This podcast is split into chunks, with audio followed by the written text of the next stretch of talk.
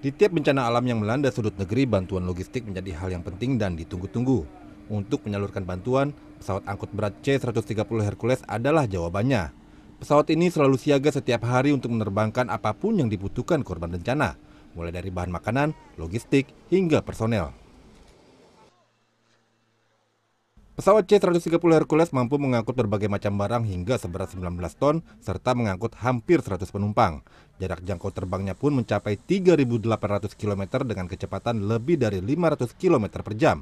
Tak heran jika pesawat ini menjadi andalan banyak negara untuk berbagai macam operasi. Demikian pentingnya pesawat Hercules untuk operasi perang serta operasi selain perang sehingga kesiapan pesawat harus selalu dijaga. Jadi kesiapan operasi ini yang setiap hari kita pertahankan pesawat setelah kembali harus kita siapkan. Jadi memang Skarundar 31 ini terkenal dengan quick response. Jadi pesawat kembali jam berapapun kami siapkan personil untuk melaksanakan maintenance. Di TNI AU, pesawat Hercules berada di tiga skuadron, yaitu Skuadron 31 Halim Perdana Kusuma, Skuadron 32 Lanut Abdurrahman Saleh Malang, serta Skuadron 33 Lanut Hasanuddin Makassar. Total jumlah Hercules yang dimiliki TNI AU mencapai 30 unit, namun kesiapannya tidak sebanyak itu. Kesiapan itu memang pertama tergantung dari anggaran.